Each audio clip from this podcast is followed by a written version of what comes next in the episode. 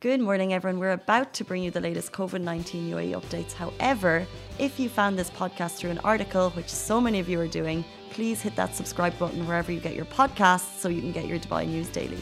Good morning, everyone. Happy Tuesday. How are you doing? Welcome to the Lovin Daily, where we take you through the top trending stories that everyone in Dubai is talking about. First of all, today is International Nurses Day, so happy International Nurses Day to the amazing health workers in this city. Good morning to everyone who's jo- joining us on Instagram and Facebook. Let us know in the comments where you're watching from. We love to get your feedback, your thoughts, and especially your thoughts on the stories that we're talking about. And I love to read them after the show. Uh, but today we'll be talking about a couple of interesting stories. The Eid al Fitr holidays have been announced. We'll also be talking about interesting new guidelines direct from kind of the Air Association about what they suggest is okay as we kind of move forward in social distancing. But the first story that will take you through is that four families have been infected with COVID 19 after meeting for Taraweeh prayer. Um, so, first, we'll go through the numbers and then a little bit more about that story. So, on Monday, the UAE announced 680 new COVID 19 infections, taking the total number of cases in the country to 18,878. 577 recoveries takes the total to 5,000. 381 and the death toll now stands at 201.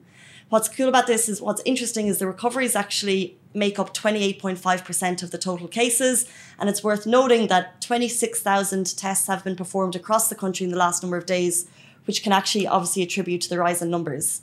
Uh, so please bear that in mind when you see the new numbers rising daily. As well as that, so this was at a media briefing, this is what got announced yesterday evening. Dr. Amna Al Dahak Al Shamsi, official spokesperson of the UAE government, added that today's infections include four families who did not adhere to precautionary measures and social distancing. So these are four families that got together, they gar- uh, gathered for Taraweeh prayers in violation of instructions issued by the Emirates Fatwa Council and the General Authority of Islamic Affairs and Endowments, as well as preventive measures kind of laid out by the UAE authorities, which we're all kind of well aware of.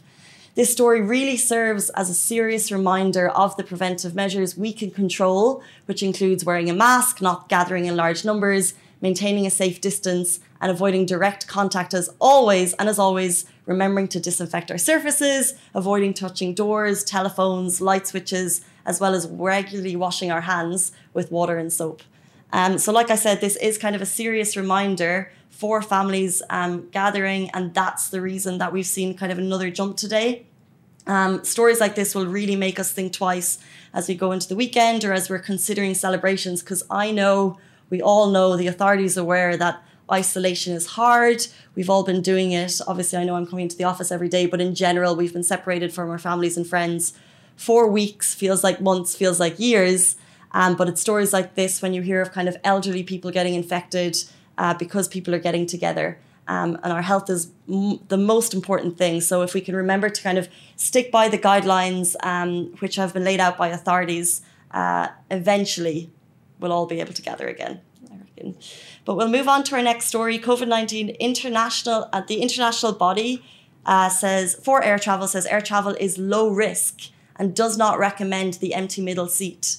Uh, the recognised body for international airlines has concluded that air travel is low risk for COVID 19 transmission.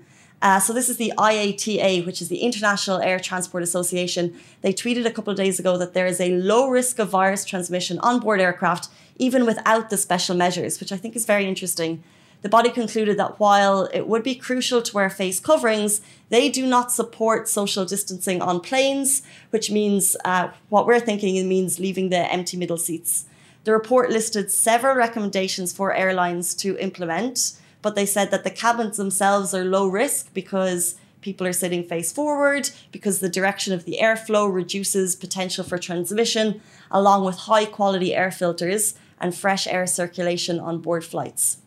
Now, we saw, you may have seen it on Lovin Dubai, we just spoke about a flight from London to Beirut, which uh, it showed passengers unhappy with the situation. They'd pl- paid triple the amount for an air ticket. So I'm assuming they expected that as soon as they got on board, this was now to be repatriated home. As soon as they got on board, they noticed that they were all sitting next to each other. They had all tested negatively for COVID 19 before they got on board. And the airline kind of summed up, they concluded that we're trying to get over 2,000 people home. There are negative tests here. Anyone who hadn't been tested, they implemented the social distancing. Um, so the airline sat them all together.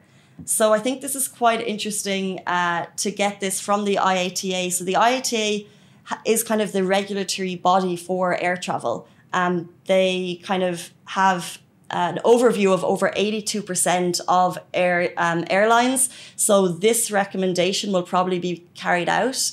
Um, and it's interesting because I think it will bring up an interesting debate about social distancing on planes, the middle seat, whether or not like what is there a difference between having someone here and having someone here? The IATA says no. So it'll be interesting to see whether this is carried out by airlines and if they follow. But they did, of course, add, you can get it all Lovin, du- Lovin Dubai. They added, you know, certain things like obviously everyone will be wearing masks, simplified catering, um, a number of different measures that airlines should implement, but no empty middle seat.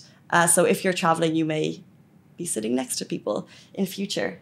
And we'll move on to our final story. The Eid al-Fitr holidays have been announced for the public sector.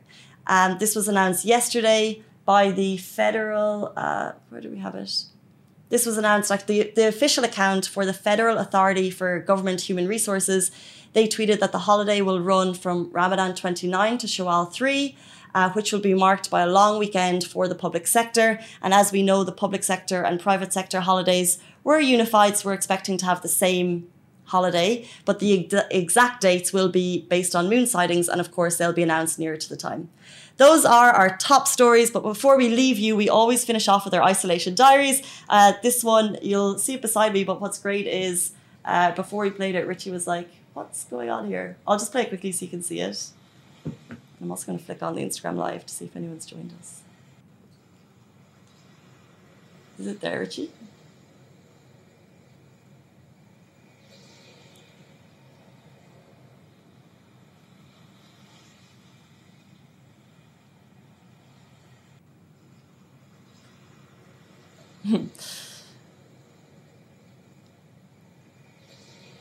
so that was, uh, you can see there beside me. Um, share it to us on Instagram. Uh, this is kind of, we can't go on holidays, but look, people are making the best of a hard situation. Uh, I'm just checking the comments on the Instagram Live, and someone said there is echoes. So, like I said, we're new to Instagram Live and we're trying to set up the equipment here. Uh, so, please send us all of your feedback, and we will, of course, try and implement it and improve our sound. Uh, that was shared by Instagram, uh, Floras Macarenas, I do believe. But those are top stories. Thank you so much for tuning in. We're back with you tomorrow morning, same time, same place. Have a great day and wash your hands. Bye. Guys, that is a wrap for the Lovin Daily. We are back same time, same place every weekday morning. And of course, don't miss the Lovin Show every Tuesday where I chat with Dubai personalities. Don't forget to hit that subscribe button and have a great day.